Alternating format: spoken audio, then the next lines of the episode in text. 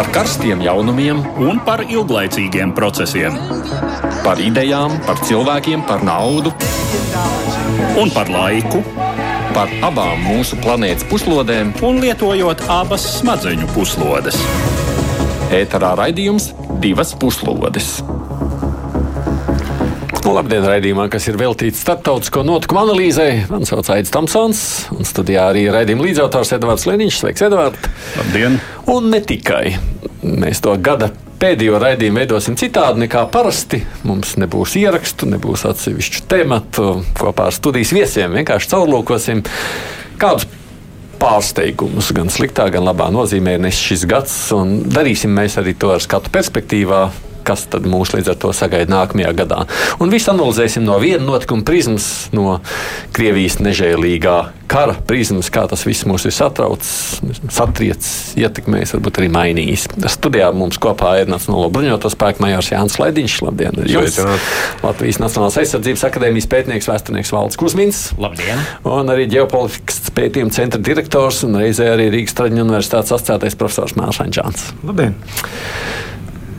Vispār mēs jau pagājušā gada nogalē, Edvards, ar tevi, kad veidojām gada apskatu, zinājām, ka pie Ukraiņas robežas ir savilkts Krievu karaspēks. Neatceros, ko es sacīju, bet nu, atzīšos, es toreiz domāju, ka kara nebūs. Jo tas Kā ļoti daudz. neiekļāvās manā loģikā nekādi. Vai kāds no jums domāja, ka karš būs?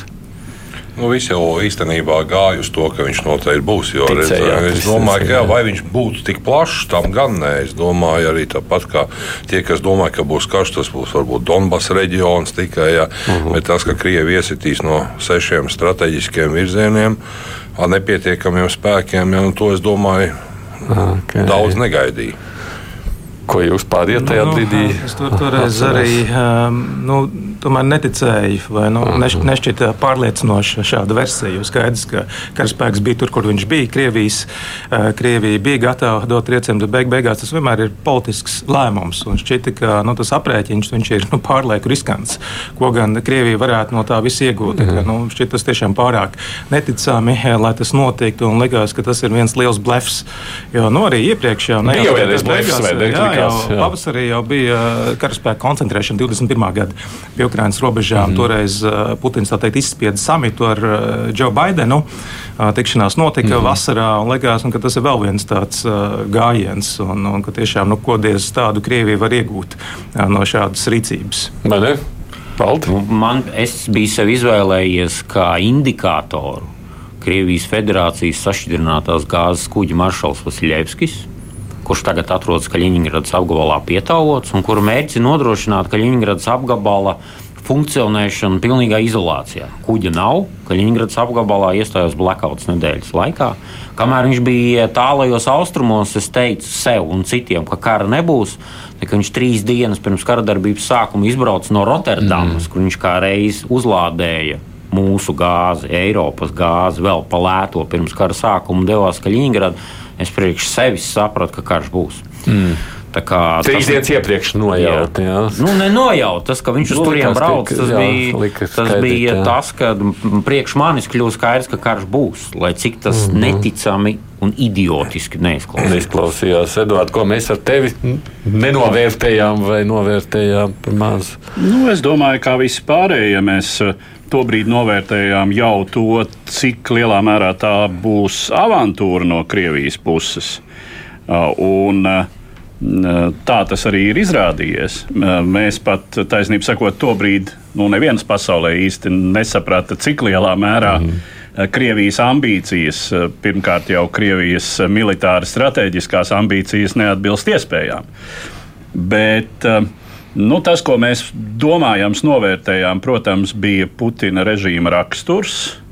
Un ka šim režīmam militāra agresija ir teju nepieciešama, un ka tas ir tas, ko, ar ko šis režīms var vispār sevi leģitimizēt, uh, lielā mērā savas sabiedrības acīs, uzturēt savu um, savu renomē. Teiksim, Nu, jā, bet mēs arī to toreiz, man liekas, tā runājām. Nu, Donbasa tajā ap, nu, nu, vai, Jā, jā, nu, bet likās, pamatā tur, jā. nu, tiešām ka tas varētu būt mēģinājums iegūt atlikušo Doņetskas un Luhanskas uh, apgabalu teritoriju. Nu, varbūt, teiksim, maksimums iegūt šo sauszemes koridoru līdz uh, Krimai.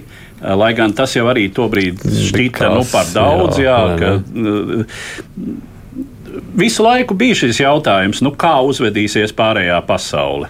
Cik daudz Krievijas nekaunības pārējā pietiks, pasaule jā. ir gatava sagramot? Bet atceramies, Baidens jau brīdināja, vai ne? Viņš tur daudzkārt brīdināja. Mēs tā kā laikam pieraduši neusticēties amerikāņiem, vai ne? Nu, ne nu, amerikāņu izlūkdienas strādāja ļoti precīzi. Viņi kļūdījās būtībā par vienu dienu, varbūt tas laiks, bet tas nebija mm. tas izšķirošais. Jā. Viņiem bija pilnīgi skaidrs, ka Krievi uzbruks. Jā. Viss šīs taktisko zīmu likšanas uz kaujas tehniku, uz pretraķiešu aizsardzības tankiem, šos mangaļus. Tas viss nu, liecina. No Amerikām bija skaidrs. Liekas, ka viņiem ir kāds ziņotājs tur. Jā, jā, precīzi jā. ļoti pateicis. Jā. Un, jā, redzam to, ka varbūt arī Zeļenskis neticēja tam, bet eh, gods kam gods, Ukraiņu ģenerālštāps turpināja darboties ar Zeložniju priekšgalā. Pirms trieciena, dažas stundas, trīs, četras dienas izvilka visu spēku laukā. Mm. Lidmašīnas pārdislocēja daļu pat uz Poliju. Jā. Tā kā lielākoties šī Krievija daudzīja tukšu maisu.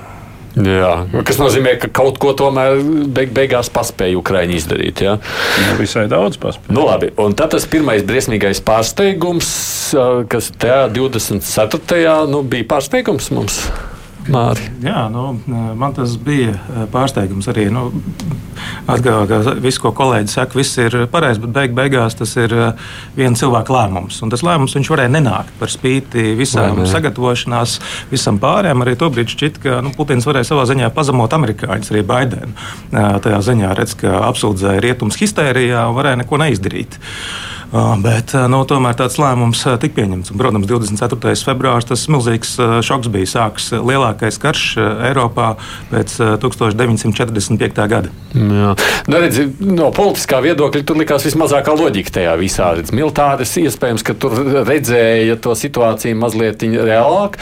Droši vien jau ja tā atceramies mēs paši. Mēs jau arī kaut kādu nu, jau nedēļu pirms kā medijas bijām gatavi, nu, nedēļu, ka mēs iesim ēterā jā, tik jā, līdz vajadzēs jā. telefoni kā saka, pie gultas naktī modinās augšā, ja vajadzēs. Jā, kā tas arī notiek. Kaut ko mēs arī jautām. Mana, mana pirmā frāze sievai, kad uh, es tā rītā pēkšņi sāku steidzīgi uh, posties ārā no mājas ap pulksteni pussešiem šķiet, tas bija. Piecos, piecos. Nu, sākā, sākums bija piecos, bet nu, pagāja zināms laiks, kamēr, kamēr, kamēr mēs šeit reaģējām. jā, jā, jā. Uh, nu, tad, tad man pirmā frāze bija, ka tas idiots tomēr to ir izdarījis, domājot ar mm -hmm. to mhm. Putinu. Bet vēl nedēļu pirms, un ko es ļoti spilgti atceros, nedēļu pirms uh, uzbrukuma sākuma, es biju Eiropas parlamentā. Mm. Un, Pareiz, jā. Uh, un tobrīd jau Krievijas uh, karaspēks ļoti aktīvi manevrēja Baltkrievijas teritorijā, mm -hmm. un arī bija tāda jau ļoti draudīga situācija, un tad ļoti varēja just, cik nu, Eiropas parlamenta deputāti nevēlas pieņemt to, ka tas var notikt. Jo tur bija burtiski tā, ka no rīta uh, Eh, Krievijas eh, karaspēkā bija salīdzinoši lielāka aktivitāte, un tad bija satraukums. Un tad parādījās ziņas, ka nē, tomēr karaspēki mazliet no robežas atvelk. Nu, man liekas, viņi arī paziņoja, ka atvelk kaut ko tādu. Vai par to plenāru sēžu zāli tāda atvieglota nopūta. Mm. Un, uh, tā intonācijā, kā Eh, runātāji tribīnē uzstājās, nu nē, nu viss taču tomēr būs labi. Viņi tikai blefo, viņi tikai demonstrē muskuļus, gan jau, ka tomēr tas eh, nenotiks. Nu, tā ir nu nedēļa vēlāk. Šeit, ir, šeit es gribētu pieminēt vienu svarīgu detaļu, ko jūs, ko jūs minējāt pirms jūs. Uh, runājāt nedēļu pirms, un man liekas, tas bija tas, kur es sev pieķēru arī pirms tam. Tā kļūda, ko es priekš sevis pieļāvu, bija tas, ka es mēģināju visus iepriekšējos Putina lēmumus racionalizēt.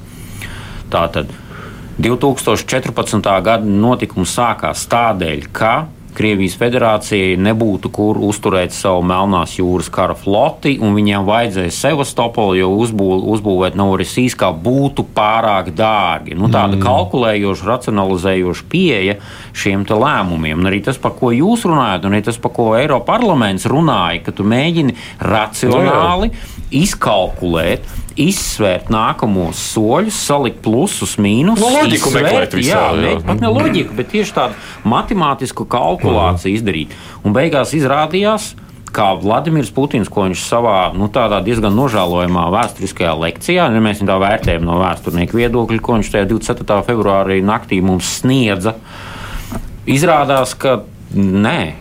Ir ļoti liela iespējamība, ka viņš pieņem lēmumus iracionāli, viņš pieņem, ka viņš ir uzbūris savā galvā ideju, kurai nav nekāda pamata. Un ideja, ja mēs skatāmies tieši uz viņa runu, padomju savienības atjaunošana kaut kādā, kādā formā, ideālā variantā, maz ticamā, bet tomēr ideālā variantā, Krievijas impērijas atjaunošana. Viņš min, minēja mm. frāzes par Somiju, par Poliju un par visām šīm lietām. No vienas puses, tas varētu likties kā kārtējā viņa nosacītā Minhenes runa, kur viņš stāsta par to, cik briesmīgi padomju savienība sabruk un ko mēs norakstam kā retoriku, bet izrādās, ka viņš savus lēmumus pieņem tieši balstoties uz šādām pašām iedvesmojošām, pašsuģistējošām runām, un rezultātā mēs esam pie līķa kalniem. Mm. Te ir viens aspekts, protams, kur zināma loģika pastāv, un tā ir. Nu, tā rupi sakot, PR loģika. Tā ir šī, šī režīma tā tad televīzijas raksturs, jā, sabiedrisko uh, attiecību auditorijas ietekmēšanas, ja, mm. varētu pat teikt, šī teātra raksturs, kur Putins tas, tas, tās nav tikai viņa uh, maniakāls iedomas. Tā ir arī izjūta par to, ko no viņa sagaida viņa nācija, ko sagaida Krievijas tauta. Un mēs redzam, ka šajā ziņā, varbūt vienīgajā ziņā, Putins īsti nav pārreķinājies. Jā, jo simts, simts tūkstoši mirušo nav arguments Krievijas sabiedrībai lai iestātos kaut kāda nepatika pret, pret notiekošo. Jā, Kurš tas viņam būs vēl? Bet, ja vēl runājam par to neloģiku, ja Putins būtu ieskatījies vēstures grāmatās, tad viņš ļoti labi saprast, ka sākt februārī militāra operācija ir pilnīgi bezjēdzīga. Tas no militārā viedokļa. Jā, dēļ laika apstākļiem. Bet nepareizajās, jā, jo te ir ļoti daudz piemēru. Mm. Uh, Harkivs kaut 43. gadā, kur arī sākās februārī, gāja martā un bija līdzīgi laika apstākļi, ja, ka tanki, viss smagā tehnika bija piejūgti klāt ceļiem. Jā, mm. Un nobraukšana no ceļiem beidzās ar iegrimšanu dubļos, un te bija tas pats. Jā. Tā tā neizvērtēšana. Jo brīnums, ko darīja ģenerālštāps, vai tiešām viņi kā militāri personas to nesaprata. Jā, teiksim. mm. Bet tā tad bija Putina ambīcijas. Vajag un tagad, un tūlīt. Jā. Okay. Jā, kas starp citu ir raksturīgs Viņam, arī 20. gadsimta padomju savienības dažādiem uh, militāriem, piemēram, arī kosmosa apgūšanas uh, plāniem, ka tiem ir jābūt uz jubileju. Ja? Aha, jā, jā vēl turpināt Edvards iepriekšējā doma par to racionalitāti vai neracionalitāti. Visu laiku tas šķiet ārkārtīgi neracionāls solis, viss karš. Bet tagad, ja ieskatās, no nu, Edvards, ka 100 tūkstoši kritušie ievainotie Krievijas sabiedrībai nav bijis nu, saka, pienācīgs eh, stimuls, lai tiešām nu, iestātos par jaunu eh, Krieviju. Protams, ir, ir protesti bijuši, tas ir grūti un tā tālāk. Un, ja paraugās uz visu tādā kopumā, domā, tur ir pat kaut kāda racionalitāte. Jo, nu, Pastāvēs Krievijā, tur, kur viņi ir. Atceros arī tajā rītā, kad sākās karš no Latvijas radio. Man zvanīja arī viens no jautājumiem, bija, vai tas nozīmē Putina režīmu galu. Nu, šobrīd neizskatās, ka tam ir tuvu. Nu, Krievijas sabiedrība tiek kontrolēta, opozīcijas vairs faktiski nav. Neskatoties uz bezprecedenta sankcijām, Krievija nu, darbojas, ekonomika darbojas, kaut kādā veidā viņi tiek galā. Nu, ir, protams, pietiekami daudz mīnus, bet Krievija kust uz priekšu. Un, un tas ir pārsteigums šī gada laikā, jo es tā, tā kā mazliet sev nodefinēju, kas ir šī gada pārsteigumi bijuši? Pārsteigumi ir ārkārtīgi daudz. Jā. Nu, vienalga ārējais atbalsts Ukrainai, tāpat arī pati Krievija un Ukraina. Es domāju, ka nu, Ukraina pats par sevi lielākais no, nu pārsteigums labā ziņā, bet Krievijas izturēt spēja, tas ir tas bijis, ir bijis pārsteigums. Jā. Ļoti liels pārsteigums. Šeit arī varbūt tā savā ziņā racionalitāte nāk. Neskatoties tiem milzīgiem zaudējumiem, kas faktiski nu, demokrātiskā pasaulē nozīmētu nu, režīma beigas, nu, ne režīma, nu, politiskās iekārtas beigas. Nu, vienkārši tas nebūtu iespējams. Krievija uh, turpina kustēt uz priekšu. Jā, par pārsteigumiem. Tālāk, nu, karš sākās 24. februāris. Nu, tagad skatoties notiekošo tālāk, Kas jums tāds, nu, ko, nu, ko liktos īpaši vērts tagad atzīmēt? Ja pieminēt? es domāju, ka galvenais ir tas, ka Ukraiņa nesabruka pirmajās nedēļās, divās. Jā, pie šīs būtu spiediena. licies loģiski, ka tā vajadzēja notikt. Jā, nu es domāju, ka Rietumvalsts negaidīja, ka Ukraiņa izturēs šo pirmo triecienu. Jā, redzam arī, ka tikai bruņojums sāka nākt vēlāk, jā, kad viņi saprata, ka tā fronte turās. Jā. Un šie Ukraiņu izmisīgie mēģinājumi nosargāt Kijevu galvaspilsētu, kur turējās uh, mata galā, jā, metot visu iespējamo uh, gan artilērijas, uh, Nacionālās gvardas vienības, karaspēku brīvprātīgos, tika izdevās noturēt šo uh, un, jā, būtu teiksim, šīs politiskais centrs nonācis Krievijas kontrolē, tad iespējams, ka situācija šobrīd būtu daudz savādāka nekā viņa ir tagad. jā. Vai no militārā viedokļa domājot, nu, vajadzēja Ukraiņas galvaspilsētai krist? Es domāju, tas būtu noteikti no Krievijas puses skatoties, jā, tas būtu ļoti liels panākums. Teiksim, Tas jā, bet- emocionāli, bet- morāliski. Jā. Bet jums tā, tā no militāra eksperta skatoties, tas, kas notika tajās pirmajās nedēļās, pāris, trīs, nezinu. Cik ilgā laikā viņi tur centās tikt līdz Kijavai, bet netika. Tas, ka Ukrāņi spēja pastāvēt, tas, ir, tas, tas bija militāri loģiski, tomēr vai nebija? Es domāju, ka militāri loģiski, protams, kā jau galvaspilsēta, ir ekonomisks, politiskais, militārais Jā, centrs. nu labi. Ukraiņi centās sevi sargāt, Viņi sev labi. sargā, jā. Jā. Un turklāt tur nāca pietiekami liels grupējums klāt. Ja viņš arī būtu apgājis Kijevu, teiksim, jā, tā, tad uh, virziens būtu nogriezt uh, šos ceļus, kas nāk no rietumu Ukrainas klāt. Tāds arī bija mērķis Jā, Krievijas spēkiem. jā. Jā. Tātad tur nāk dzelzceļa līnija, lielās šoseis, ja, pa kuriem tagad nāk piegādes klāt. Jā. Jā. At, domāju, ka to Krievi arī rēķinājās, ja, ka pārgriežot šīs apgādes artērijas, Ukraiņas nonāk, Ukraiņu puse nonāks diezgan sarežģītā situācijā. Un kāpēc tomēr viņiem neizdevās? Kā jūs to raksturot? Es domāju, ka tur viss tā idiotisks. Plāns bija. Jā, es domāju, un arī Ukrāņi, protams, to plānu pajauca. Jā. Nu, kā vienmēr, es domāju, ka tur bija uz ātrumu. Daudz neplānojot, brauksim, tad redzēsim. Sanāks, būs labi, nesanāks, nu tad domāsim. Jā, šīs- Apmēram tā. Anekdotes par pasūtītajiem galdiņiem Kijavas restorānos. Jā, un tas, būtu, tas būtu mans lielākais pārsteigums, nedaudz pārfrāzējot, ko, ko, ko šeit Jānis teica. ka Es savā lekcijās, gan aizsardzības akadēmijā, gan visur, kur citur, vienmēr stāstot par militāro vēsturi, braucot uz kaujas laukiem, es vienmēr sāku godātie karavīri. Šī ir vēsture, neņemiet to galvā. Tagad, ja kaut kas notiks, viss būs savādāk. Apvidus būs tas pats, kaut kāda pamatprincipa būs tas pats, bet karš būs savādāks. Un tad, kad sāc, sākās šis Krievijas iebrukums, veids, kā Krievijas bruņoto spēku kolonnas, jas, te, ko Jānis minēja no Černobiļas atomelektrostacijas pa purviem, tā kā arī rādīja 60 km garās kolonnās brauca, man atgādināja identiski to pašu, ko es no vēstures zināju, kā 1944. gada 14. septembrī 3. gvardas mehanizētais korpus startēja no Bauskas virzienā uz Rīgu 60 km garās kolonnās, nerēķinoties ne ar abitu, ne ar pretinieka darbību. Viss balstīts tikai uz līdz minūtei garos grafikos, kur arī New York Times pagājušajā nedēļā nopublicēja šo vienu plānu, kurā mēs redzam, ka trijās dienās bija jānobrauc 180 km grafiks pa visu sienu. Tas plāns bija idiotisks.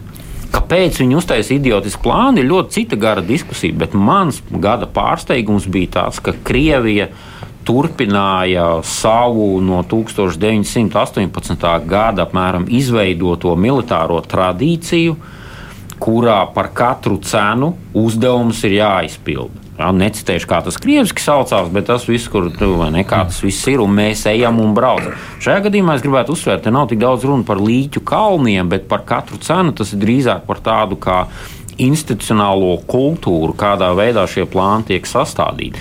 Un jūs skatāties, un mēs skatāmies, un tie plāni, kas ir nonākuši Ukrāņu gan uh, brīvprātīgo, kas parādās Facebook, Telegramā, ko viņi publicē, šie plāni viņu paskatoties, paskatoties uz apvidu, kur viņi braucēja, brauc, paskatoties Google Street View tiltu, pār kuru viņi gribēja pārbraukt ar 120 tankiem. Tur nav citu variantu, ka tur kaut kas tur notika Vai nu viņi ir pilnīgi idioti, vai nu tā ir nodevība, kā viņi paši uzskata, starp citu daudz tagad. Vai nu tur ir gan viens, gan otrs noticis šādā veidā, un tas mm. viņiem uz priekšu neiet. Tas bija tikai laika jautājums. Un, un vēl ir tas liek, ka tomēr 2008. gadā Krievija mēģināja pāriet no tās padomju taktikas, ja viņi pārstrādāja reglamentus, mm. kā uz modeļu lēmumu pieņemšanu, ka tas būs uzlabots. Tagad redzam, nekas, nekas nav mainījies. Jā. Tāpat tā lēmuma pieņemšana, kāpēc tie virsnieki augstāk stāvošie gāja bojā, tāpēc, ka viņš nesaprot, kāpēc uzdevums nav izpildīts, viņš pats brauc kontrolēt. Ģenerālim tur nevajag kontrolēt. Jā. Nu, tā ir tā rezultāta. Tā kā es domāju, nekas no Padomu Savienības laikiem nav mainījies no otrā kara. Tas, protams, Ukraiņiem ir liels pluss. Tā, tā, tas pārsteigums, Krievu pašpārliecinātība. Jā, absolūti kas gan arī ir vēsturiska tradīcija. Ir pat krievu valodā jēdziens šapka zakidaķeļstva. Ar cepurēm nomētāšanas domāšana. Mhm. Nu, tā tad mēs, mūsu krievu ir tik daudz, ka mēs tos otrā pusē ar savām cepurēm nomētāsim līdz galīgai iznīcināšanai. Nu, šis faktors Krievijai ir izrādījies liktenīgs te jau katrā otrajā militārajā, ja, ne, ja ne katrā, tad katrā otrajā militārajā konfliktā, kurā tā ir iesaistījusies, um, sākot mm. no 20. gadsimta sākuma Krievijas-Japānas karš. Ziemas karš pret Somiju, uh, karš pret Poliju uh, 20. gadu sākumā. Nu, vismaz šie konflikti. Arī karš Čečenijā, pirmais karš mm. Čečenijā, nu būtībā jau arī otrais karš Čečenijā ir noslēdzies ar uh, faktiski pusneatkarīga un lielā mērā Krievijas centrālai varai savus, savas prasības diktējoša režīma izveidošanos Kadīrova, ar Kadīrovu priekšgalā. Mm. Tā kā arī ļoti relatīva uzvara. Jā, nu, protams, vēl viena lieta, kas maz izskanēja, ir Ukraiņas nenovērtēšana. Viens ir nu, arī izlūkdienas, kas Krievijā acīm redzam bija kļūdījušies par noskaņojumu sabiedrībā jau pirmkārt. Jā, noteikti, kas tika gaidīts, ka nu, būs sagaidīšana, ja ne ar ziediem, tad vismaz bez protestiem. Bet kāpēc bet... viņiem bija tāda doma? Nu, ir, kaut kādā, uz kaut ko taču tā pamatojās. Krievu valodīgo skaits Ukrainā cilvēku, kuru dzimtā valoda ir Krievu. Un tādu Ukrainā ir rupi rēķinot apmēram pusi. Viņi vienādāk. Ja Krievs tā tad ir. Kā izrādās, kā izrādās, tas nenozīmē, ne Putina atbalstītāju, eh, ne arī pat eh, teiksim, kādu Krievijai simpatizējošu. Mm -hmm. nu, nu, protams, arī reliģija var minēt, uh, pareizticība līdzi, un tie tādi ļoti plaši, protams, Jā. piemēri. Bet arī, ņem vērā autoritārās valstīs, arī nu, izlūkdienesti bieži vien pienes tādu informāciju, kādu valsts līderis vēlas. Nu, tas bija tas, ko viņš vēlējās dzirdēt. Nu, es domāju, tā ir viena lieta. Un arī nu, Ukraiņas kaujas spējas acīm redzam nebija novērtēts. Ja viena lieta, kas neizskanēja. Mēs daudz runājam par sauszemi, bet gaisā Krievija tā arī līdz šim nav panākusi pārākumu Ukraiņas gaisa telpā. Un tas ir milzīgs mīnus, jo nu, parasti modernos kaujas laukos tieši gaiss ir tas, kas izšķir, kas kontrolē gaisu. Tam ir daudz lielākas iespējas arī kontrolēt sauszemi, un tas, kas arī uh, notiek jūrā. Līdz ar to tā bija lieta, ka Ukrainai ir nu, ļoti novecojušas. Pirms tam bija uh, pretgaisa aizsardzības sistēmas, pretraķiešu aizsardzības sistēmas, arī iznīcinātāji, bet tomēr labi uh, darbojās. Un arī nu, pati griba aizstāvēt, uh, arī karavīru vidū uh, bija daudz augstāki, nu, citiem vārdiem, morāli. Un arī organizētība bija pilnīgi cita cita, tas, ko arī kolēģis stāstīja, Krievijā tā ir stingra hierarhija. Jebkāda iniciatīva ir aizliegta, uzdevums ir jāizpild vienalga, ko tas maksā. Uh, Ukraina ir ļoti daudz mācījusies pa astoņiem gadiem iepriekš jau uh, karš uh, notika NATO dalībvalsts. Tostarp arī Latvija ir būtiski stiprinājusi arī palīdzot apmācīt Ukraiņas karavīrus. Viņi izveidojuši pilnīgi citu kultūru, daudz decentralizētāk, atstājot lielāku iniciatīvu pret padotajiem un arī nu, lielāku cieņu izrādot. Nu, nevis vienkārši vertikāli, kā pasaka, tā mm. Būs tā, tā, tā arī jābūt. Man jā, tas no sākuma uztrauc tā doma, ka tie lielie Ukraiņas zaudējumi vai viņi neietekmēs vispār kaujas spējas Ukraiņas pirmo, mēne, pirmo mēnešu laikā. Jā. Samērā daudz tomēr gūstā nokļuva, daudz pazuda bez vēsts un ļoti daudz gāja arī bojā, jau kamēr šī Krieva artilērija un aviācija jā. dominēja jā, šo pirmo, pirmos mēnešus, jā, nu, tie zaudējumi tiešām bija. Un es, teiksim, nu, tas man tā uztrauc, kas būs ar šo, bet nu, redzams, viss kārtībā. Bet, ja dīks, kamēr jūs esat vēl pie vārda pat uh, pieminētais jau šobrīd uh, arī Māra tas gaisa spēka nespēja pārkontrolēt debesis pilnībā. Kāpēc? Jo taču 24. februāra rīts, man liekas, iesākās ar PVO iznīcināšanu, vai ne? Jā, nu, protams, Krieviem bija daļai zināms, kur ir šīs Ukraiņu pozīcijas. Daļu palīdzēja pienest šie informatori, kas bija tātad ietekmes aģenti, kuri darbojās. Protams, bez zaudējumiem neiztika Ukraiņas pretgaisa aizsardzība. Jā. Bet nu, redzam, ka tomēr Krievi dominē ar aviāciju no sākuma pirmos divus mēnešus, jā, mm -hmm. kamēr nesāk nākt arī šīs rietumu kaut vai rokas pārnēsājumās pretgaisa aizsardzības iekārtas. Jā. Un, uh, viņas palika arvien vairāk, un redzam, ka Krievijas aviācija vairs uh, nelido iekšā Ukraiņas dziļumā, bet tikai frontes bumbvedēji strādā pa priekšējām līnijām, nedaudz varbūt taktiski aizmugurē, jā. bet šī dominance beidzās. Sapratu, ka pēc... svarīgs ir tas, ka PSRS mantojums sabrokot Padomju Savienībai, Ukrainai palika milzīgs Padomju Savienības bruņoto spēku arsenāls. Un uh, Padomju Savienības rietumu pierobeža bija viena no visblīvāk aizsargātajām teritorijām ar dažādiem pretgaisa aizsardzības līdzekļiem. Gan novērošanas mm. līdzekļiem, gan raķetēm, dažādu tipu un veidu. Un es pieņemu, ka Krievijas federācijai bija milzīgs problēmas saprast, kurš radars ir vienkārši lūznis lauka vidū, kuras S-300 raķetes ir vienkārši uzstādītas, lai viņas tur būtu, un kuras patiešām var izšaut. Un šeit mēs runājam par simtiem raķešu iekārtu sistēmu. Protams, tās visas. Ukraiņas neatkarības laikā nu, viņi neuzskatīja, ka būs karš vispār. Un tā, tas ir vispār zināms fakts, ka ļoti ilgu laiku Ukraina bija viens no lielākajiem bruņojuma eksportētājiem. Viņa nebruņ, neeksportēja jaunākās izstrādes, viņa eksportēja to, kas bija palicis no Padomju Savienības - tankus, ieročus, raķetes, kas tikai tur nebija. Tas viss gāja caur pelēkām schēmām, korupcijas schēmām, visur un citur. Bet 2022. gada februārā, 24. februāra agrā rītā Krievijas federācija bija tik daudz iznīcināmi mērķi, ar kuriem viņi vienkārši netika galā. Un tas, ko viņi paši saka, viņiem milzīgs izaicinājums ir tas, ka, nu, piemēram, lido lidmašīna, viņa redz buku M1 radaru darbību, un viņš nezina, vai tas ir mūsu buku M1, ja tas ir Ukrāņu buku M1. Un ko tagad man darīt? Izvairīties, izšaut raķeti, neizšaut raķeti, un beigās savēju uzšauju pa savējo, varbūt lidmašīnu uzšauju pa savējo. Un pat tagad, ko viņi raksta, tādi militārie blogeri sauc, viņi priecīgi, ka parādīsies patriots, jo beidzot, beidzot mēs zinām, ka tas ir pretinieks, un mums vairs nav jābakstās, būs savējie, nesavējie, kas tur izšaus, neizšaus, kas tur notiks. Mm. Un šī Un īstenībā nu, padomju pretgaisa aizsardzības skola, tā saucamā, viņa, viņa īstenībā bija viena no vislabākajām pasaulē. Pēc... Skola var būt, bet reālā darbība. Bet reāla darbība, kā mēs redzam, tāda, kāda viņi ir. Jā. Ja strateģisko, strateģisko būvniecību bāzes tiek bombardētas, bet Ukraiņas gadījumā viņiem bija iespējas no kā paņemt, bija iespējas, kur uzlikt, bija iespējas, ar ko strādāt. Viņi astoņus gadus, ja, kā, kā pareizi tika minēts, astoņus gadus Krievijas bruņotie, at, at, Ukraiņas bruņotie spēki gatavojās, viņi faktiski karoja. Astoņus gadus viņa jau karoja. Iebrukums sākās 2014. No, jā, jā, jā, gadā. Viņi karoja, jā. modificēja un cīņa darīja, ko varēja. Te man liekas, ir ļoti būtisks aspekts, ka um, valsts iekšienē paši sev Ukraiņi um, prata radīt tādu nu, salīdzinoši relaksētu situāciju. Uh, jāapmeklē Kijevu. Nu, teiksim, es biju Kijevā 2017. gadā absolūti nebija manāms nu, kaut kas, ko mēs saistītu ar tādu karojošu, aktīvi karojošu valsti. Uh, tur nebija pastiprināti, teiksim, vērojami militāri personu uh, klātbūtne uz ielām. Mana viesnīca bija burtiski līdzās Ukraiņas armijas ģenerālštābam, Kijavas centrā. Uh, un, nu, nebija tā, ka tur būtu, teiksim, es atceros vēl laiku, padomi laiku Rīgas centrā kad šeit bija Baltijas kara apgabala štābs, tur, kur tagad mūsu aizsardzības ministrija, cik toreiz te daudz bija Uh, vīriņu zaļos, zaļos un attiecīgi citādas krāsas mundieros pārvietojās un militārās patruļas pārvietojās pa vecrīgu, kur viņiem bija kaut kāda objekta.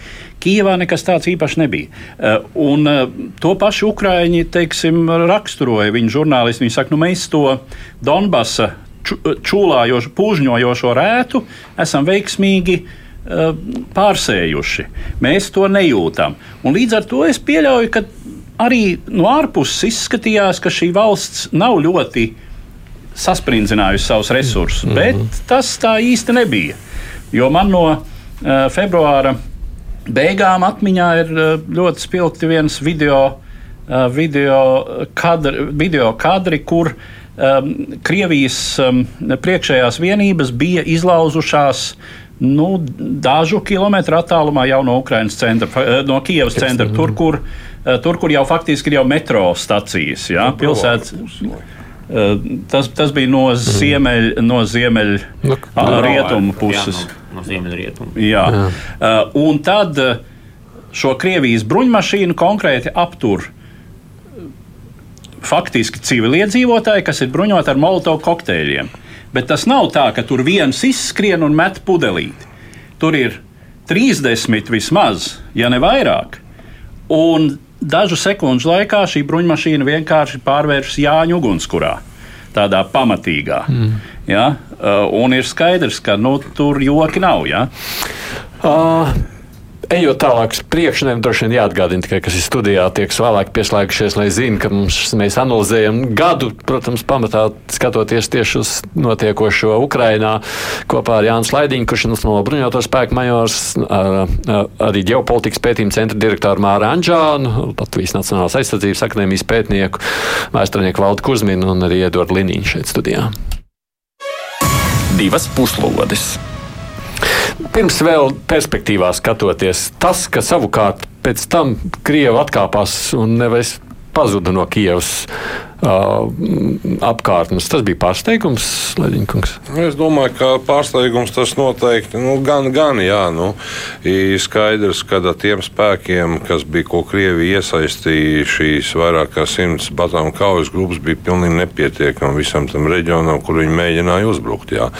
Tas, ka viņiem Hersonā sanāca tur aiziet, jā, tā pavisam brīvi, nu, tas ir noteikti Ukraiņas akmens, Ukraiņas lauzuma pusē, kāpēc tā bija. Jā. Bet ir nepietiekami sadalīt spēkus. Jā. Nu, Nevelti jāsit ir kopēji dūri, nevis izplēstiem pirkstiem. Ir jāatrod kaut kur smaguma punkts. Viņš var būt viens vai divi, bet šī gadījumā uztaisīt sešus, septiņus ar šādu veidu resursus, nu, tas bija nepietiekami. Apgādes līnijas izstiepās. Ukraiņi veids dziļos reidus, ko viņi darīja sit pa apgādes kolonām. Tanks var braukt, jā, bet viņam nafta beidzās, viņa jāpieved. Tāpēc bija pirmajās nedēļās šī pamestā tehnika, sašautās apgādes mašīnas. Jā.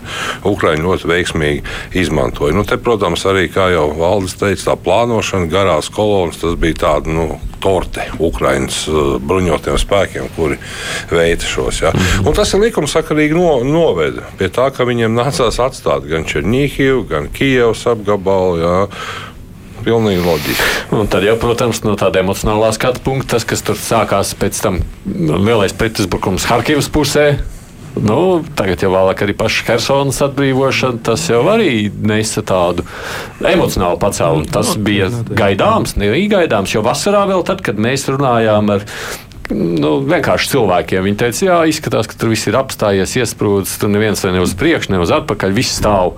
Nu, neredzam galu vairs tam, un tad pēkšņi tie izrāvieni. Nu jā, nu vēl jau arī uh, no Čūsku salas padzina arī simboliski uh, Maskavu nogremdēja Melnās pareiz, jūras galveno karakuģi Krievijā. Nu, tie bija tādi ļoti simboliski soļi.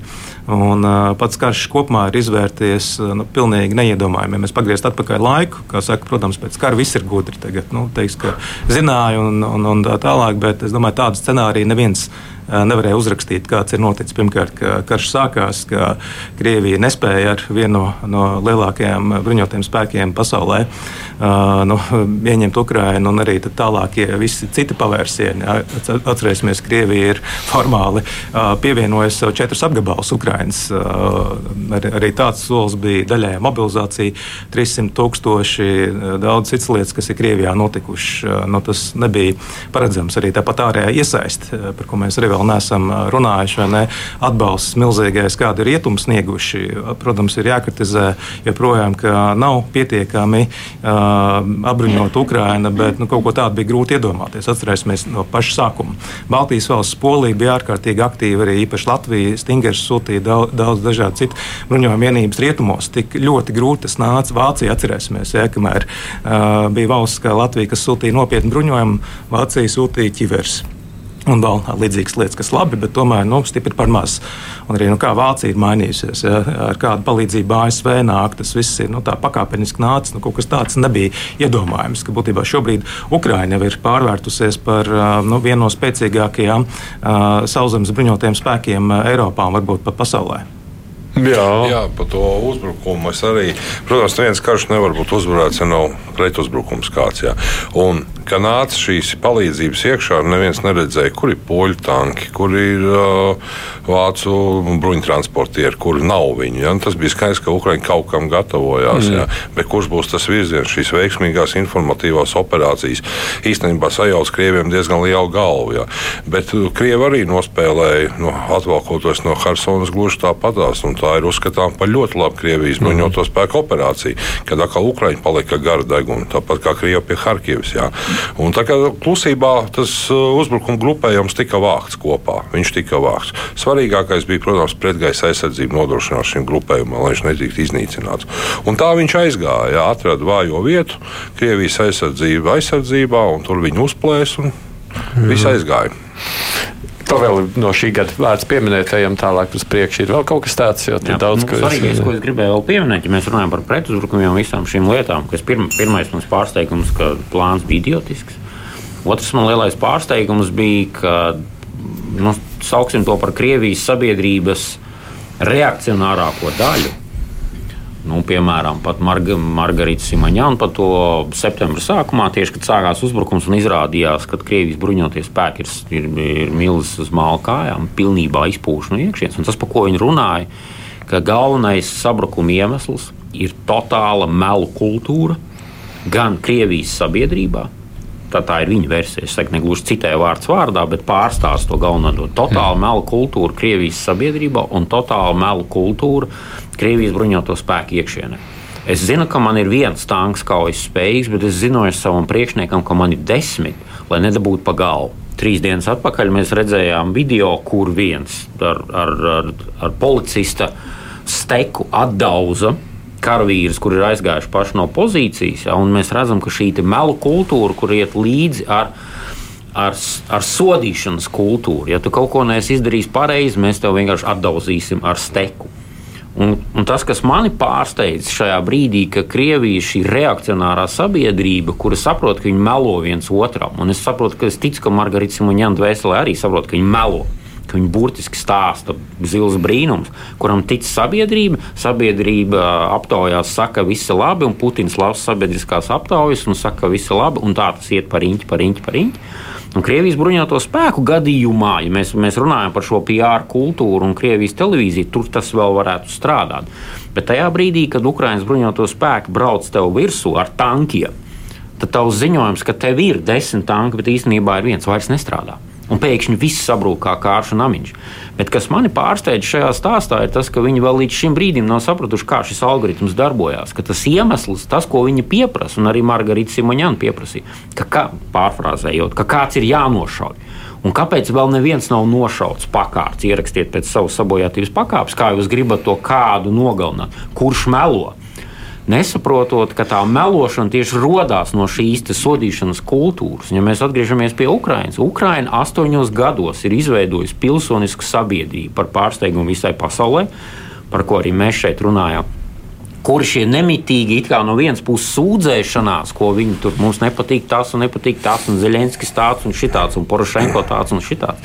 Bet šī sabiedrība ir tikusi no tā padomju aburtā melošanas lokā ārā, kurā man nav bail iziet maidanā un pateikt, ko es domāju par Zelenski, tāpēc, ka man ir sakrājies, kas nav iedomājies ne Krievijas, ne arī jo vēl jau vairāk Krievijas militārajā kultūrā, un viņi no tā nav tikuši ārā. Viņi vēl aizvien ir stadijā, kad būs beidzot kāds nošauts. Un ļoti labi, lai Jā. vairāk šauju, vairāk malu. Tāpēc viņi to Staļinu tagad dievina atkal. Dievina Staļinu. Toreiz bija kārtība, jo viņš mācīja atšaut, atšaut teiksim, katru desmito kā antīkos modeļos. Ja, Lai gan tas ir mīts, īstenībā Staļins no lieliem ģenerāļiem nošāva ļoti maz. Viņš arī ļoti maz, teiksim, viņš no, vairāk radīja, viņš radīja priekšstatu par to, ka visus nošaus, bet ar to pilnīgi pietiek, lai radītu šo melu, melu kultūru, kas melu, visā un, vertikālā. Tā ir pretī, kā jau valdes pareizi pieminēja, baiļu. Jā. Absolūti baiļu tāda trusīša, žņaudzēja čūskas priekšā izjūta. Un... Un tagad, Edvards, skatoties uz to tālāk, jo es gribu pēdējās 15 minūtes veltīt tādā skatā uz priekšu. Redzot to, kas viss šī gada laikā ir noticis, ir īpaši pieminot to Krieviju ar visu baļu sajūtām, dīvaino plānošanu un tam līdzīgi. Kaut ko jau krievi, taču gribas domāt arī, tomēr mēs redzam, ir mācījušies gadu laikā, pieminētā Helsons, atkāpšanās, ko te sacīs Laidiņkungs. Kā tad tagad mums izskatās? Kas, ko mēs varam no visa šī secināt, kas notiks tālāk? Labs jautājums. Es zinu, ka grūti. E, prognozes paliekam pie tā, ka mēs, protams, tikai versijas izsakām, bet tomēr. Nu, turpinot to, ka Krievijas e, sabiedrība ir izrādījusies pacietīgāka nekā par to ir domāts. E, es teiktu, ka joprojām pastāv zināmas iespējas, ka Putina režīms varētu šo karu pat pārdzīvot. Es neņemšos tagad teikt par procentiem, bet nu, jau līdz šim šeit pieminētā Hersona.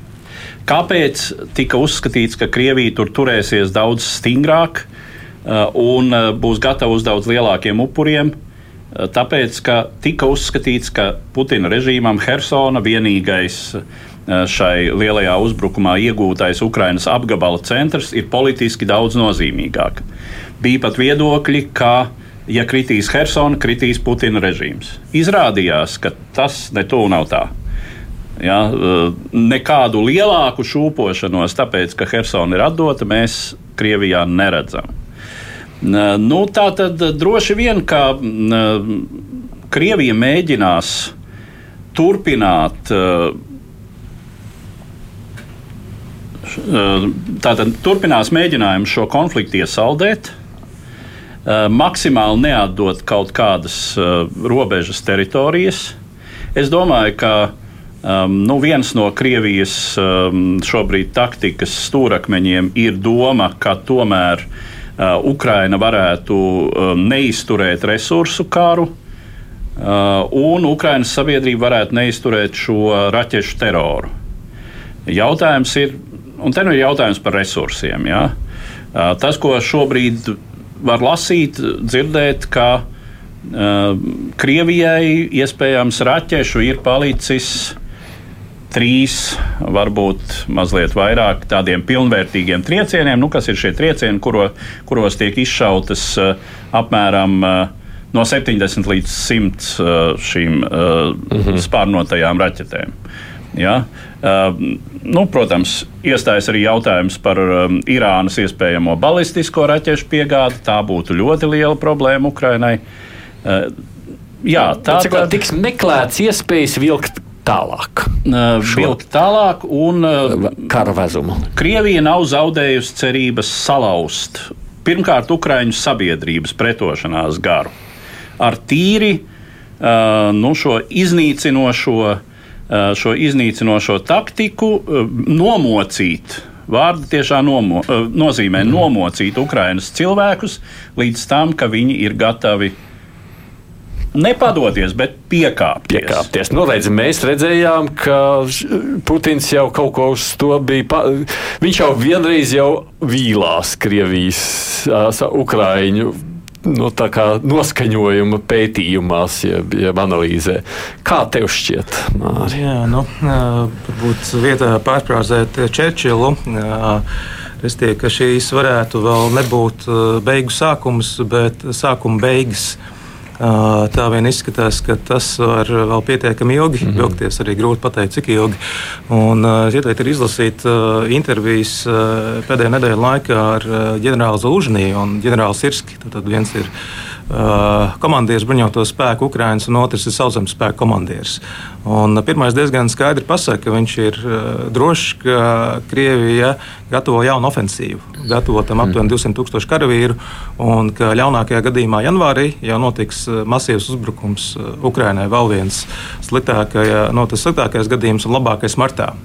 Nu, Ukraiņas ģenerāļi galvenie ir droši, ka būs vēl viens masīvs uzbrukums. Un arī tas, ko Valza Lužņīs saka, ka viņš ir pārliecināts, ka Krievija vēlreiz mēģinās ieņemt Kievu. Uh, protams, Ukrāņi arī iespējams nedaudz sabiezina krāsas, nu, jo tas ir nepieciešams, ir jāturpina atbalsts uh, vākt. Tāpēc arī Zelenskis bija Vašingtonā nesen nu, turpināt uzturēt uh, nu, to vajadzību, ka tas ir vajadzīgs. Zelūžņīs arī pats nosauc konkrētus skaitļus, cik ir vajadzīgs, lai atspiestu Krievijas bruņotos spēkus līdz 23. februāra robežām. Tie ir 300 tanki, Eh, 700 eh, kainieku kaujas mašīnas un eh, 500 haubits, jeb nu, artērijas vienības. Nu, Ukrāņas ģenerāļi diezgan no tā, skeptiski noskaņot par to, kas viņus sagaida. Viņš šobrīd arī mēģina vākt rezervus, apmācīt jaunus karavīrus. Līdz ar to arī ļoti iespējams, ka caur Baltkrieviju tiek vēlreiz atvērta jauna fronte. 1000 km garumā. Nu, tās iespējas diezgan plašas. Tāpat laikā arī zinām, protams, ka Putins arī Lavrovs ir izteicies par potenciālām miera sarunām. Mēs nevaram zināt, cik tie ir mājiņa manevri vai nē. Bet es drīzāk raudzītos, ka Krievija nu, jau ir to sākusi. Spēja paciest, ka Krievija varētu vēl mm. doties uz priekšu. Jo kas tad vēl var noiet greizi no tādas Krievijas perspektīvas, zinot to milzīgi augsto sāpes slieksni? Vārds sakot, abas puses gatavojas kārtīgām Jā, nu mieru nebūs. Jāsaka, ka Putins ir veidē kā produkts, un viņam mācīja skolā meklēt ienaidnieks nepārtraukt. Tā viņš arī vada valsti. Jā. Un uh, Krievija nepiekāpsies ne uz kādiem Ukraiņas notikumiem. Bet kas ir svarīgi šobrīd, tātad Krievija zaudēja uzbrukumu, teiksim, tādas lielas spējas. Uh, tas bija vasarā pirms Ukraiņa pārgāja pretuzbruka iniciatīvu. Jā. Ļoti svarīgi tagad saglabāt Ukraiņai šo uzbrukumu dinamiku, kaut drusku pa 100 metru, pa 200, jā, lai nedot iespēju šim izplūkātam Krievu lācim armijai jā, iesaisties pilnīgi aizsardzībā un dot laiku atjaunoties uz kādu resursu. Jā. Krievi redzams nostiprina Zaporīžas Helsonas ieņemtos apgabalus pamatīgi. Jā, tātad tas ir placdarbs iespējams nākamajam lēcienam uz Ukraiņas teritorijā, kur būs šis šis uzbrukums, kā kolēģis minēja, ļoti grūti pateikt, bet viņš būs noteikti. Mm -hmm. Jo Surovīkins, kurš ir uzdevis Hersonu, bet nostiprinājis eh, ziemeļa austrumu pusi, tad viņam vajadzīgs arī būs noteikti kāds uzbrukuma panākums. Ja. Un atliek gaidīt. Es domāju, ka varbūt nu, viss būs atkarīgs no meteoroloģiskiem apstākļiem, kādi būs. Bet Ukraiņai svarīgi turpināt, lai tās rezerves Krievijam kūst, ja redzams, ka viņi met iekšā šos mobilizētos nesagatavotus. Karaspēks ir liels, bet kvalitātes pašlaik nav. Ja, bū, ja viņi iegūs laiku, tad arī būs kvalitāte. Protams, arī kaujas tehnika, kas krieviem ir ļoti smagi zaudējumi kaujas tehnikas ziņā. Ja. Kā viņi to atjaunos, to es nestādos priekšā pašlaik, lai izveidotu spēcīgus uzbrukuma grupējumus. Ja. Tāpēc viņiem ir vajadzīgs laiks. Bet tad laiks ir vajadzīgs gan vienam, gan otram. Jā, arī Ukraiņai jāatpūšas. Protams, arī viņi ir noguruši, jā, bet uh, viņi ļoti labi saprot, jā, ka pašlaik uh, šis uh, uzbrukums spēlē viņiem pa labu. Ukraiņas pusē. Tā vismaz man zināmie cilvēki, kas tur karo, saka, ja ir noguruši, bet jāiet uz priekšu, nedrīkst dot krieviem atpūtu. Mm. No vēsturnieka skatu punkta, kā izskatās nākošais? Es gribētu, skatoties nākotnē, es gribētu divus punktus uzsvērt. Pirmais, ka šeit neko nevar prognozēt. Jo tad, 24. februārī Vladimirs Putins paziņoja, ka pēc viņa prāta iebrukums Ukrajinā ir, ir, ir jāveic, Viņš minēja absolūti neizmērāmus kritērijus, piemēram, denacifikācija, kas tas ir. Demilitarizācija, kā mēs to varam izmērīt. Un pāris dienas atpakaļ, nu, aizvakar, Lavrovs runājot, ka mēs esam atvērti miera sarunām. Noteikumi jums ir zināmi, jums viņus vajag izpildīt, tā te, kā viņš teica, miermīlīgi. Ja, ja nē, to veiks Krievijas armija. Bet šajā brīdī kādus noteikumus? Kas ir denacifikācija? Kā mēs to varam izdarīt? Kurš to var izdarīt? Un tā ir problēma. Tā nav problēma ne tikai mums, cilvēkiem, kas tur ikdienā ziedo un palīdz un cer, ka Ukraina uzvarēs. Tā ir milzīga problēma Krievijas sabiedrības reakcionārajai daļai. Pārfrāzējot viņu, viņu apjukumu tādu, kur ir jāiesprauž karoks, lai mēs definētu, ka Krievija ir uzvarējusi.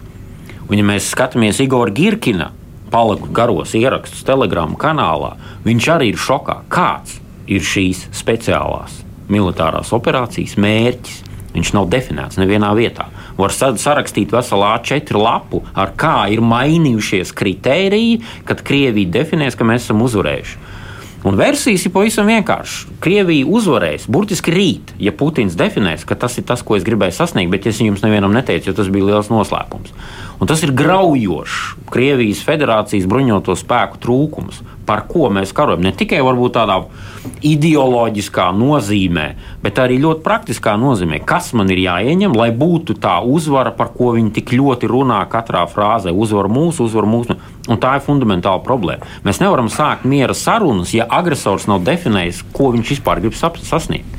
Tas ir pirmais punkts, un otrais punkts, novēršas pie tā, ka, protams, pilnībā piekrīt par visām šīm lietām, bet es domāju, ka izšķirošais būs mūsu arī mūsu, arī mans personīga, mana personīgā vēlme maksāt par gāzi piecas, sešas reizes vairāk. Lai izvairītos no tā, ka mēs nekad vairāk nepirksim Krievijas gāzi, un lai arī rietumu sabiedrība pieņem šo kā faktu, un šeit es vienkāršoju problēmu, bet manuprāt, tas ir diezgan svarīgi. Mums jānokļūst pie līdz tam brīdim, ka mēs nekad vairāk nepirksim Krievijas gāzi, un mēs nekad vairāk nepirksim Krievijas naftu. Ne ar griestiem, ne bez griestiem, ne šādu pārstrādātu, ne tik sašķaidītu, ne caur Indiju, ne caur kurien. Mēs nepirksim Krievijas gāzi. Tas nenotiks rīt vai parīt. Bet tajā brīdī tas arī būs tāds liels. Putina režīms no tā nesabruks, es tā domāju. Viņš turpinās funkcionēt tādā pašā veidā, bet tas būtu tas vēl viens, par ko mēs runājam par pārsteigumiem februārī, ka mēs paši savā ziņā bijām pārsteigti par Ukraiņas sabiedrības gatavību cīnīties. Mēs paši savā ziņā bijām pārsteigti par rietumu demokrātiju, gatavību Ukraiņai atbilstīt, mums vienkārši jāspēr nākamais ļoti dārgais solis mūsu katra personīgajā maciņā. Un jāpiekrīt, jā, es esmu gatavs pirkt desmit reizes dārgāku gāzi no ASV, tikai lai nepirktu Krievijas gāzi. Un tas būs mans personīgais lēmums. Un jo vairāk rietumu sabiedrībā dzīvojuši cilvēki šo lēmumu pieņems, jo ātrāk mēs nonāksim līdz brīdim, kad Putins būs spiests definēt savu kara mērķi, un tad, varēs, tad, tad sāksies sarunas. Tad mēs beidzot varēsim sākt uh, runāt, uz kādiem noteikumiem miers tiks parakstīts. Bet tas kara mērķis pārdzīvos viņu pašu. Jā, drīzāk, jā. Mēs jau pieņemsim ar Eduardu, ja Dievs dos, nākošais gadā atkal taisīsim gada apskatu, kā tev šķiet, būs tā aktīvā kara gaita beigusies vai nebūs, tavuprāt? Nu, tu tagad atkal liec man uh, prognozēt uh, praktiski neprognozējamas lietas. Drīzāk, jā, nē. Nu, drīzāk, drīzāk nu, bet uh, manu atbildi ietekmē tomēr vēlme, vēlme. Redzēt, redzēt nākamo gadu gaišāku nekā šo. Tāpēc es teiktu, jā, drīzāk, jā, bet uh, ir ļoti daudz faktoru, kas var arī teiksim, uh, noteikt to, ka īsti nē. Jā, vienkārši Zelenskis ir sacījis, ka nākamajam gadam jābūt šim izšķirošajam gadam. Tavuprāt, Māra būs vēlme īstenojama. Noteikti viņš būs izšķirošs, bet tikpat labi viņš būt viens no izšķirošajiem. Un, un tikpat labi karš vienā vai citā formā var vilkties uh, vēl tālāk. Un, un tas, kas uh, Ukrāņiem jānovēl, noteikti pašiem nesāk kašķēties savā starpā. Jo, jo tā ir arī nu, viens, viens no riskiem, arī, kas var eh, mazināt rietumu atbalstu. Nu, pagaidām nav bijis. Nu, jā, nu, izskan tāpat laikā no Kijavas nu, dažādas, eh, dažādas runas. Atcerēsimies, pirms tam eh, pret Porošenko bijušo prezidentu vēršanās bija. Tas nomierinājies, bet tagad esot Kijavā satraukums par to, ka Zalužņīs varētu uh, virspavēlnieks bruņoto spēku kādas politiskas ambīcijas izrādīt. Un, uh, tāpēc uh, nu, arī ir kas redz Sirski, ka nu, jauno komandieru bruņoto spēku arī nu, kaut kā kādas. Nu, Iespējams, ka tur kāds kaut ko mēģina uz, uz, uz, uzkurināt arī šādā viedokļā. Kā izskatās? Jā, mēs esam optimisti, bet nu, realitāte rāda, ka vismaz nu, 3-4 mēnešus man liekas, nekas nemainīsies. 3-4 mēneši jau noteikti. Pa gadu gribētos teikt, ka Kirillo Budanovs, Ukraiņas izlūkošanas galvenais priekšnieks, gatavoties brīvdienas svinēt Krīmā vasarā. Es ļoti gribētu ticēt, ka viņš pats pats Bet cerība ir tāda. Ir tāda cerība. Nu, cerība vienmēr Jā, jābūt. bet nu, tāda reāla cerība ir, ka, ka tas ir izdarāms. Šogad noteikti kaut kas mainīsies, bet vai Ukraiņi ies vasarā Krimā, nu, par to Nu, nu, tas- tas, diezgan jā. optimistiski viņa teiciens. Bet, nu, Jā, nu katrā ziņā šī 24. februāra robeža. Uh, Tātad uh, tas ir ļoti nozīmīgs, Nozīmīgs. psiholoģisks faktors. Būs Nemazākās kāds nojausmas. Nemazāk. Var beigties rīt, var beigties pēc desmit gadiem. Man liekas, tas absolūti Nu, neparedzējams. Protams, mēs šeit neņēmām ekonomiskos apsvērumus no tāda viedokļa, jo, jā, Krievija ir izturējusi, bet droši vien jau kaut ko tas arī nozīmē, un mēs par to šeit neesam droši vien pietiekoši spējīgi runāt, bet es saku paldies, ka atnācāt. Interesanti saruna kopā ar jums. Mārs Anģāns, ģeopolitikas pētījuma centra direktors, Rīgas Traģiņu universitātes asociētais profesors, vēsturnieks Latvijas Nacionālās aizsardzības akadēmijas pētnieks Valds Kuzmins, ā, Nacionālo bruņoto spēku majors Jānis Slaidiņš un, protams, Edvards Liniņš. Studijā arī Aits Tomsons. Mēs tiksimies atkal pēc, nu, jādomā, nedēļas producenta Evijunāma.